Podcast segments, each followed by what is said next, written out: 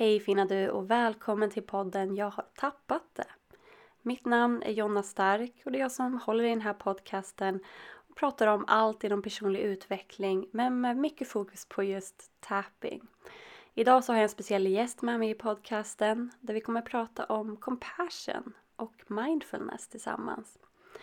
Men innan vi går in på det så vill jag bara tipsa om att på fredag 1 mars så kommer det att starta en utmaning i appen Mindset Tapping. Så utmaningen heter Aktivera din självkärlek. Det betyder att i 14 dagar så kommer vi att tappa tillsammans kring självkärlek för att aktivera den, för att minska på inre självkritik, minska på stress och känna oss mer värda kärlek och ge mer kärlek till oss själva och stärka oss själva med tappingen. Så varje dag i 14 dagar släpps en ny tapping-session på morgonen. Så väljer man själv när man vill tappa till den under dagen. Den kommer vara ungefär mellan 5 till 10 minuter lång. Så för att du ska få in tapping som rutin i ditt liv samtidigt som du ger dig själv mer självkärlek, mår bättre och blir starkare mentalt. Så jag hoppas att du vill vara med på den här utmaningen. Den kommer alltså starta på fredag 1 mars. Och just nu kan du testa appen Mindset Tapping för helt gratis i sju dagar när du laddar ner den och startar en prenumeration. Annars kostar appen 129 kronor bara. Så jag, jag hoppas att vi ses i utmaningen. Nu kommer veckans avsnitt.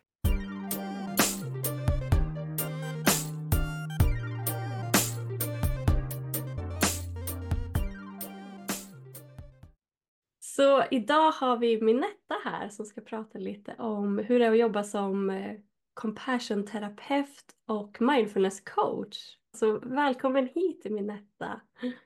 Tack så mycket! Jätteroligt att få vara här. Ja, jätteroligt att du ville vara med och prata i min podd. Så berätta lite, vem är du och vad gör du? Ja, Minetta heter jag ju. Eh, jag är trebarnsmamma Eh, och eh, compassion terapeut och mindfulness coach. Och det har jag inte varit hela livet eh, eller yrkeslivet. Jag har jobbat med marknadsföring i 15 år.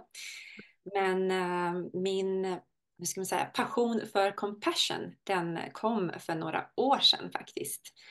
Och ehm, ja, den resan mm, har ju varit lång dit, men man brukar ju säga att eh, vi hittar vår passion i vårt eget lidande. Och för mig var det verkligen så att eh, jag jobbade väldigt hårt i många, många år och eh, drev på mig själv både på jobbet och hemma också. Och, eh, men, och jag hade en väldigt stark inre kritiker som sa till mig att ja, men oavsett hur mycket jag gjorde så var jag aldrig riktigt nog. Ehm, jag kunde göra bättre, jag kunde göra mer ifrån mig. Och eh, ja, men det var en känsla som jag var med men vilket gjorde att jag pressade mig ännu hårdare. Och jag kämpade också väldigt hårt med att sätta gränser för jag ville så gärna att eh, finnas där för andra och um, jag tror att det handlar om en känsla av att bli, vilja bli omtyckt för den man är och det man gör och stötta andra. För jag är också en väldigt givmild människa.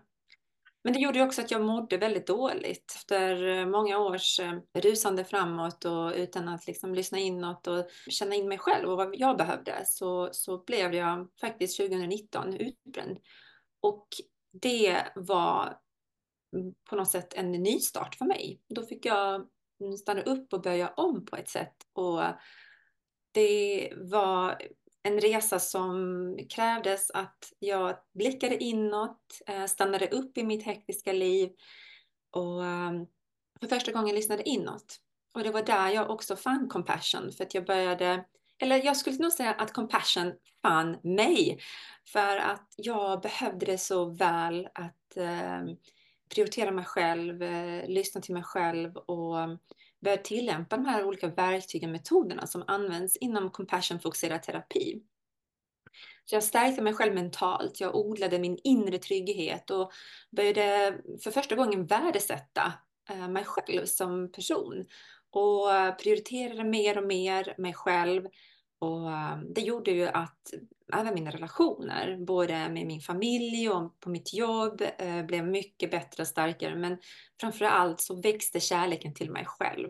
Mm. Och ehm, ja, det var då jag insåg också att det, allt jag längtade efter, den här harmonin och den innerliga tillfredsställelsen och glädjen i livet, att den redan fanns inom mig. Jag inte behövde söka den i min omgivning och få bekräftelse utifrån, utan det var när jag gav mig själv det där som jag kunde uppleva den här ja, glädjen, harmonin och lugnet inom mig. Så det, det gällde att skala av förväntningar, att eh, bli av med mycket av mina måsten som jag kände då. Och eh, framförallt de begränsade tankarna, tankarna om mig själv. Och, ehm, så det är nog det, det, det är därför jag gör det jag gör idag. Jag vill att alla ska veta att allt behövs finns redan inom dig. Och om du tror att ditt välmående ligger i någon annans händer eller någonstans där ute så ska du veta att nej, det finns inom dig. Och det är där vi behöver börja med oss själva helt enkelt. Så det är min resa och jag ser så otroligt många kvinnor i samma situation som har samma utmaningar och jag känner mig så glad och ja, lyckligt lottad att jag får vägleda dem och finnas där för dem på deras resa. Så det är otroligt eh, givande och meningsfullt för mig. Ja, fint. Så himla häftigt också för jag kände igen mig så himla mycket i din historia. Jag, jobb, jag kommer också från marknadsföringsvärlden in i det här och började med mindfulness ja. och utbrändheten som så många, det är så många som glider in i företagsvärlden och vill hjälpa andra också när man hamnar i det där. För att ja, det ökar ju hela tiden. Utbrändheten och sjukskrivningen för stress är ju skyhög just nu. Ja, precis. Och det, det är skrämmande på ett sätt att se så många som man mm. pratar med. Eh, speciellt när man kommer i 20-årsåldern så tänker man att man är eh, odödlig. Mm. På något sätt att man klarar av vad som helst, hur mycket som helst, man känner inte in, man reflekterar inte lika mycket, man bara kör på. Och sen så kommer man till en gräns där, ja, efter några år att man liksom börjar må dåligt och inser att det här är inte hållbart, så här kommer jag inte hålla hela mitt liv. Vissa kanske upptäcker det här mm, i tid, men jag tror de allra flesta läser den hårda vägen och det är ju, eh, det är ju tråkigt och det hoppas jag att jag och många andra som gör det vi gör kan hjälpa eh, och bidra med att man ska liksom börja tidigare. Mm. och det är något som jag också vill förmedla till mina barn. Att vikten av att den här relationen man har med, med sig själv, att man jobbar med den väldigt tidigt och, och förstå liksom var ens värde ligger. Och det är ju också min uppgift som, som förälder att eh hjälpa dem med det. Så ja, det, det, vi, vi, har, vi hör de historierna, vi hör dem. Ja, ja verkligen. Och så fint att ta med dig i föräldraskapet också. Det är lyxigt att ha en förälder som jobbar med det här. Ja, men, ja absolut. Och det, det, det tror jag definitivt det är en till en fördel för mina barn. Sen måste man också säga att um, jag är fortfarande, eller vi är alla människor och vi gör ju mm. alla misstag. Utan ja. Det, det är ju, um, men just att man reparerar sina misstag, man ber om förlåtelse när man har gjort ett fel. Och man kanske ja, inte varit den föräldern som man önskar att man var. Men också visa, våga visa sig också sårbar. För det tror jag, eh, det upplever jag nog inte att mina föräldrar riktigt eh, var mot mig. Eh, med att mm. jag kan liksom erkänna och visa mig själv sårbar för mina barn. För det mm. ger dem ett intryck av att ja, men man måste inte ha den här fasaden och alltid veta bäst och vara på topp. Och, eh, även om man är en förälder så kan man faktiskt vara lite vilsen och ledsen och göra fel. Det, mm. Jag tror att de blir, barnen blir stärkta av det. Eh, ja. Och att få ja, men, ja, båda, mm, ja, men, båda delarna och att man kan förklara, prata med barnen. Ja. Känslor och man känner. Ja, verkligen. Mm. Ja, jag tycker det är roligt. Det är, många som, när jag berättar att jag har barn, de, så säger de att ah, dina barn måste vara så lugna och bara så täpa hela tiden. Bara, nej. och jag är inte heller lögn. Liksom. Jag, men det försöker jag också, precis som du säger, lära mina barn. Och blir det så att man bråkar eller råkar höja rösten, att man alltid ber om ursäkt efteråt. Att det är okej okay att bli arg. Och, mm. Att man pratar om det efteråt. Mm. Alla känslor är okej. Okay. Det är också en sak som jag vill förmedla. Mm. Om man tänker sig att ja, men bara för att man, ja, men nu jobbar jag som compassion-terapeut så nu är jag färdiglärd och ska lära alla andra. Och, men så är det ju inte, utan det här är ju något som jag jobbar med, med hela mitt liv. Det här är ju min, min största utmaning. Men jag har hittat verktygen och jag förstår och jag vet hur jag ska jobba med det. Det är därför jag kan vägleda andra, inte för att jag har löst mitt problem och sen så liksom, utan det är ju det är någonting som jag själv jobbar med dagligen. Och det, och det är jag transparent och, och ärlig med. För att jag tror att man, man ska inte tro att man, åh du vet, jag kan allt nu, jag är fullärd och jag ska bara förmedla all den visdom till alla andra. Liksom. Utan man ska vara ödmjuk och, och faktiskt ja, men visa sig själv sårbar. För det tror jag att det är där styrkan ligger. Ja, precis. Det tror jag är jätteviktigt att vi som jobbar med det här är tydliga med att man blir ju aldrig klar. Man är ju aldrig färdig och perfekt utan det kommer ju alltid nya utmaningar, alltid nya problem. Det går ju alltid upp och ner i livet och, mm. och att man måste fortsätta jobba på sig själv för att annars kan man börja må dåligt igen. Alltså när man slutar, man får hela tiden, och det kan ju låta jättejobbigt för vissa, så här, måste jag hålla på med det här hela tiden? Bara, ja men det kommer ju bli en vana, det blir ju mer naturligt ju mer man håller på med det. Man hittar sina knep och utvecklas. Mm. Mm. Precis. Ja. Vad skulle du säga är de bästa knepen om man vill integrera compassion eller mindfulness i sin vardag? Just compassion då, som ordagrant översatt är medkänsla på svenska. Um, och det kan man ju ha både med sig själv och med andra. Och när vi, de flesta människor tänker på compassion så tänker man på en egenskap som man eh, har inom sig själv och som man kan utveckla, vilket är helt rätt och så är det. Att känna med andra, att vara eh, icke-dömande, att vara vänlig och varm både mot sig själv och andra. Um, men just i compassion-fokuserad terapi och många som förespråkar compassion, uh, när, vi, när vi pratar om compassion så pratar vi om compassion som ett förhållningssätt till livet.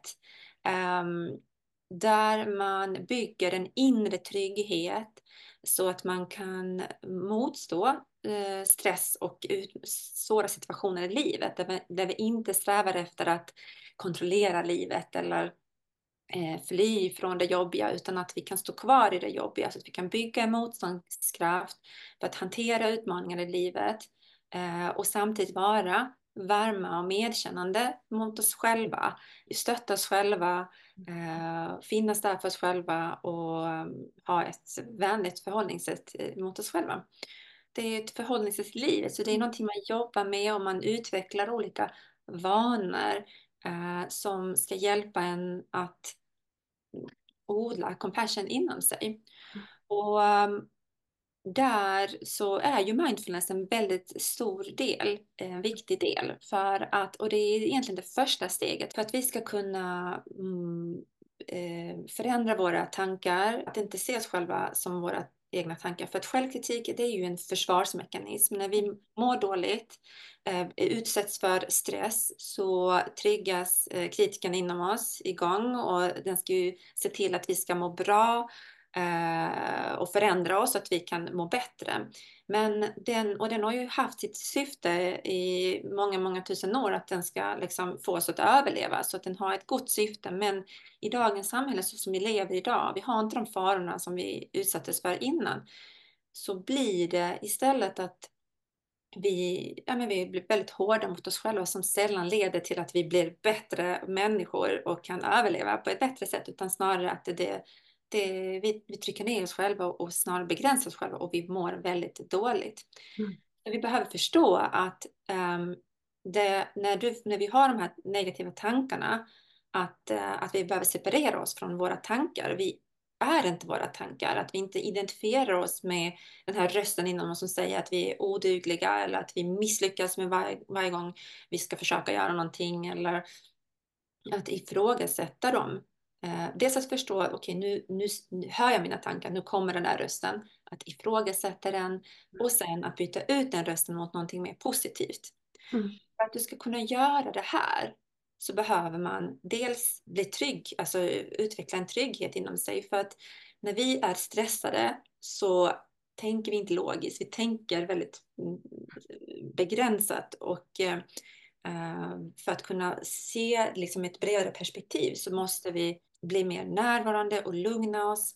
Och det gör vi med mindfulness så att vi kan bli mottagliga för uh, att känna in vad är det jag känner nu? Vad är det jag tänker nu? Är det här verkligen sanning? Mm. Och att liksom börja reflektera över de här tankarna och sedan byta ut dem. För att komma till den processen så måste vi bli mer närvarande och där fyller mindfulness en väldigt, väldigt viktig funktion mm. eh, i compassion då för att kunna identifiera den här rösten, för att kunna ifrågasätta den här rösten och kunna byta ut de här ohjälpsamma tankarna mot mer positiva. Mm. Så behöver vi eh, bli, stanna upp och bli mer närvarande i oss själva, för då känner vi in på ett annat sätt. Och när vi jobbar med mindfulness så bygger vi en inre trygghet som gör att vi kan zooma ut och få ett bredare perspektiv och, och kan eh, Ja, och kan också förändra oss. För att vi förändrar oss inte gärna när vi är i väldigt stressade och inne i vårt hotsystem som det brukar kallas. Då vill vi bara fightas eller fly. Då vill vi inte känna in och förändra oss själva. Utan förändringen sker när vi är trygga. Så mm. därav också den här vikten för att bli mer närvarande i sin, i sin vardag. Så det är nog första steget. Och sen då att man reflekterar över tankar och känslor eh, och beteenden. Och det tredje steget är ju då att man adderar någonting som heter self-kindness, alltså på olika sätt att man tar hand om sig själv i både tanke och handling. Att man byter ut den här självkritiken eh, mot värme och mer hjälpsamma tankar. Att man skapar goda vanor som hjälper en på traven med tacksamhet och meditation till exempel. Att man blir bättre på att sätta gränser. Det är också ett sätt att vara snäll mot sig själv och att prioritera sin återhämtning. Men, ehm, och, och oftast är det där vi vill börja. Vi är jätte, jätte, jättestressade och nu ska vi bara börja bli eh, snälla mot oss själva på ett sätt där vi, vi ska förändra vår vardag utåt. Men vi måste börja lyssna inåt och det är där vi måste börja att känna in och våga känna det vi känner. Våga ha de här tankarna och våga ifrågasätta innan vi börjar göra allt det här som kommer utifrån. Att vi ska börja gå på yogapass och börja göra det. Visst, det kan hjälpa oss. Det kan hjälpa oss i att eh, lugna vårt nervsystem och bli mer närvarande så att vi kommer dit. Men vi mm. måste liksom förstå att det, hur viktigt det är att vi lyssnar inåt i oss själva. Ja, för annars kan det ju bli att vi bara piskar på oss själva på ett annat sätt. Då. Måste gå till yogan, måste meditera, Måste vara snäll ja, mot mig själv. Nej, nej, nu var jag inte snäll mot mig själv. Nej. Ja, men exakt. Och det är precis det. Nu sa du det väldigt bra. Men att det blir ett ännu ett måste. Det vill vi ju inte. att vi, oh, Nu måste jag ju vara snäll. Nu måste jag ju göra det här som är bra för mig. Nu måste... Men egentligen så behöver vi backa bandet ännu mer och förstå varför har jag så mycket i mitt liv just nu? Vad är viktigt för mig just nu? Och att man liksom stannar upp och, och ser med klarhet i hur ser mina beteenden ut? Alltså varför, varför beter jag mig på det här sättet egentligen? Och det, vad är det för tanke som triggar den här känslan inom mig som gör att jag känner att jag behöver agera på det här sättet? Och då börjar vi, liksom, börjar vi stanna upp. Vi behöver stilla vårt sinne. Vi behöver sluta rusa. Det här rusandet, ständiga rusandet. Vi behöver stanna upp. Och det, det är det första steget. Och det är jättejobbigt. Och det är jätteobehagligt. För ja. är man van att hela tiden vara igång så är det mm. värsta man kan tänka sig att stå still för då mår man ju dåligt för man känner sig rastlös. Och det är bara, ja men jag vet inte vad jag ska ta mig till. Ja. Har man inte tillåtit sig själv att känna, då kommer ju allting. Man kan ju inte fly från sina känslor. Man kan inte fly, liksom, eh, det, det, det kommer ju i uttryck på ett annat sätt. när man mm. stannar och stillar sitt sinne så kan det vara väldigt obehagligt. Men det är där vi måste börja och våga. Ja, vi, vi är så vana nu för tiden att ta till, alltså så fort vi känner obehag i kroppen eller stressade tar vi upp mobilen, det är så här, mm. systemet med mobilen, vilket blir ännu värre. Och, eller att vi sätter på Netflix på kvällarna för att lugna huvudet. Men det händer ju saker också hela tiden där. Så jag tycker det var så himla bra du sa i början också det här med att eh, känna hur det känns. Att stanna upp när man mår dåligt. Känna hur det känns.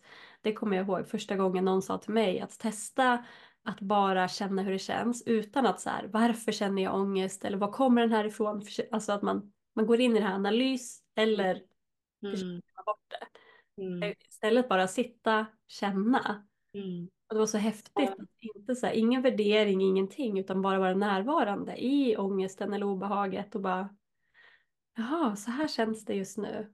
Och sen bara känna hur det släpper mycket fortare också. Ja, exakt, och det är ju den, det är ju så vi funkar, att när vi får sätta ord eh, på våra eh, känslor och när vi får när vi tillåter oss själva att känna det vi känner och när vi sätter ord på våra känslor, alltså på ett sätt där vi förstår vad vi känner. Så att förstå vad vi känner och tillåta sig själv att känna, det gör att vi, känslorna, de förlorar makten över oss ja. I det läget. För att ba, bara det i sig, man tror ju hela tiden att man ska bli av med sina känslor för de är jobbiga. Men bara den faktum att man förstår vad man känner och tillåter sig själv att känna det man känner gör att känslorna känns mindre. Eh, mm. det obehaget, mycket av obehaget försvinner.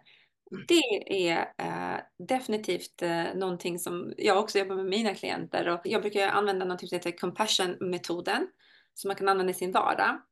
Där man, det är fyra steg där man eh, då stannar upp eh, och tillåter sig själv att liksom Eh, reflektera över en situation eller vad är det nu som pågår inom mig. Och, och där är vi oftast väldigt bra på att vi, vad, vad, vad händer nu? Varför händer detta nu? Varför känner jag som jag känner? Eh, men att man också försöker uttrycka känslorna. Men oftast så fastnar vi också i det ältandet. Varför händer det här? Vad händer? V vad känner jag? Jag mår dåligt. Jag känner dittan och detta. Och så är vi bara snurrar runt i den. Men det viktiga steget är att gå vidare att visa förståelse och vara icke-dömande mot vad du känner just nu. Mm. Som du också sa, att tillåta sig själv att känna. Oavsett vad du känner och hur fel än känns att du känner det, alltså tillåta sig själv att det är okej okay att känna. Även om du önskar att du kände något annat. Att tillåta sig själv i stunden att känna det du känner. Det innebär inte att du vill känna så för all framtid. Utan att det är okej okay att du känner det du känner. Även om det är någonting som du egentligen inte vill känna. Och sen att man då, vad kan jag göra som är mer hjälpsamt i den här situationen?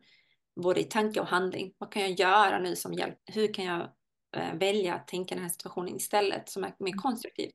Mm. Och sen det fjärde steget är att lugna oss själva.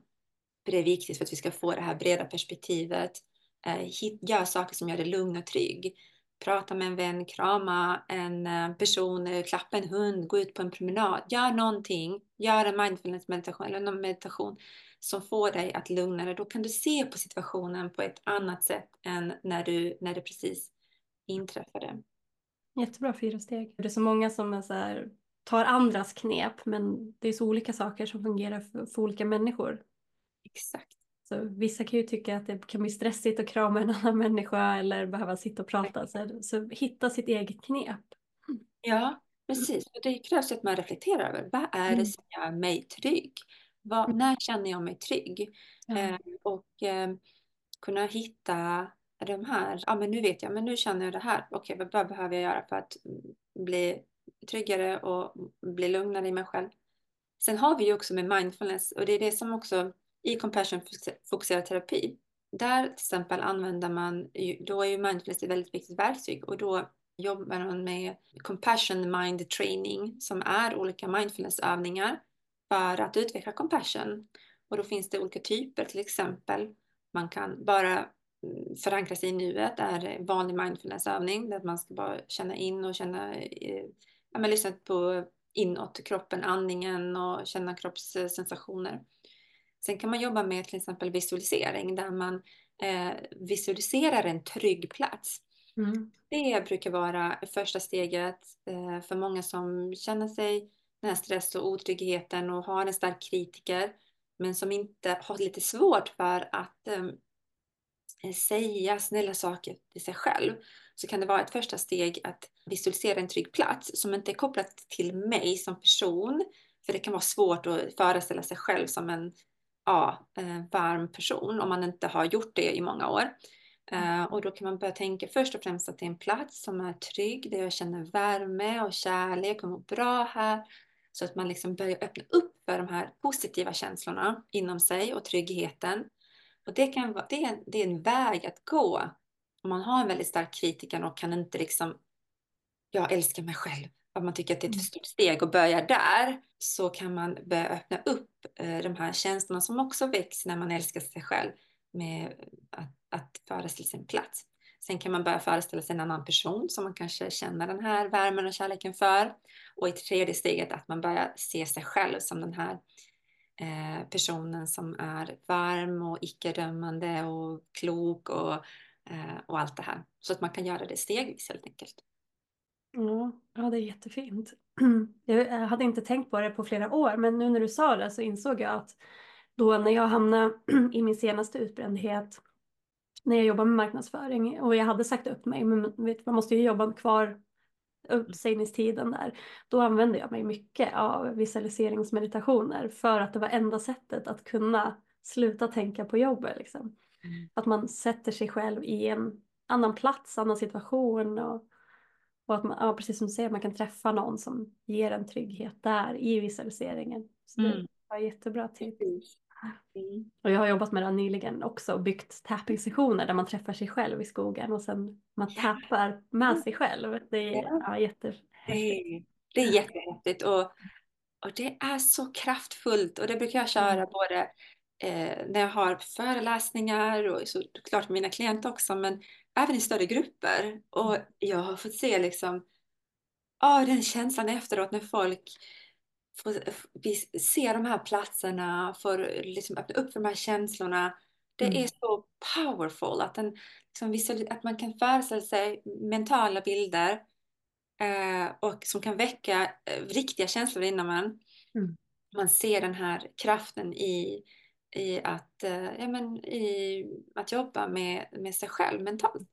Uh, och, och, och, att folk som aldrig har gjort det här innan uh, kan uppleva den här känslan, så, känslor och eh, så starkt och på så kort, bara några minuter. Liksom. Det är korta övningar men det kan, är väldigt kraftfulla övningar. Det är jättehäftigt tycker jag. Så att, mm. jätteroligt att du också ja. Ja, eh, precis som du säger, det är verkligen kraftfullt. Jag började ju själv gråta när jag spelade in den och sen får jag mejl hela tiden bara åh jag satt och grät och grät. Ja, ja. så kraftfullt. Alltså, ja. ja precis som du säger, bara en kort liten stund men ändå blir så himla kraftfullt att bara få ja, vara med sig själv på det här sättet. Vad är det viktigaste budskapet du skulle vilja att lyssnarna tar med sig efter vårt samtal idag? Jag skulle vilja säga att eh, du är inte dina tankar. Um, ifrågasätt din inre kritiker. Ehm, det går att programmera om dina tankar. Alltså du kan, även om det känns jobbigt och ovant, så uh, om man ger sig själv tid och, och chansen så kan man byta ut de här tankarna. Uh, och uh, ja, men trygghet is the key brukar jag säga. Nej, men alltså, för det är hela grejen med compassion, att man utvecklar sin inre trygghet för då kan, är det eh, lättare att stå kvar i obehag. Vi kan inte bli av med lidandet, men vi kan bli bättre på att stå kvar i det som är jobbigt och obehagligt om vi är eh, trygga inom oss själva. Och vi blir mer mottagliga, vi vågar känna in våra känslor, vi förstår oss själva bättre. Och eh, så trygghet och vi är också, vi tror också ibland att man missuppfattar sig själv, att man tänker men om jag hela tiden ska vara trygg så kommer jag bli lat om jag bara sitter och, mm. ja du vet, ska, jag måste ju piska på mig själv för att jag ska göra saker, men gör vi inte, vi är, människor är inte lata. Eh, vi utvecklas, eh, vi vill gärna utvecklas och när vi är trygga så är det lättast för oss att ta till oss och utvecklas på ett konstruktivt sätt. Så vill vi förändra oss själva, bli den bästa versionen av oss själva, så är trygghet en, eh, någonting man definitivt ska jobba med, sin inre trygghet. Mm. Så ja, det är väl det lilla. Ja, jättebra, jag håller verkligen med. Att det, man kommer egentligen inte fortare framåt bara för att man piskar på sig själv. Utan det, i så fall är det mycket bättre med en morot. definitivt, definitivt. Ja. Vart kan man hitta mer om dig då om man vill följa dig eller arbeta med ja, dig? Uh, Instagram finns jag på uh, och uh, antingen på, ja men jag heter Minetta Hodzic på Instagram, där hittar du mig. Och sen på min hemsida minetta.se. ja, jag lägger länkarna här under också. Du får jättegärna göra det. Det får du jättegärna göra. Ja, men tack mm. så jättemycket för att du var med här och pratade idag. Var jätteintressant. Ja, det var jätteroligt att få vara med och ja, super, super spännande. Så jag är glad och tacksam. Tack så mycket. Ja, tack så mycket. Ha det så bra allihopa. Hej då. Ja.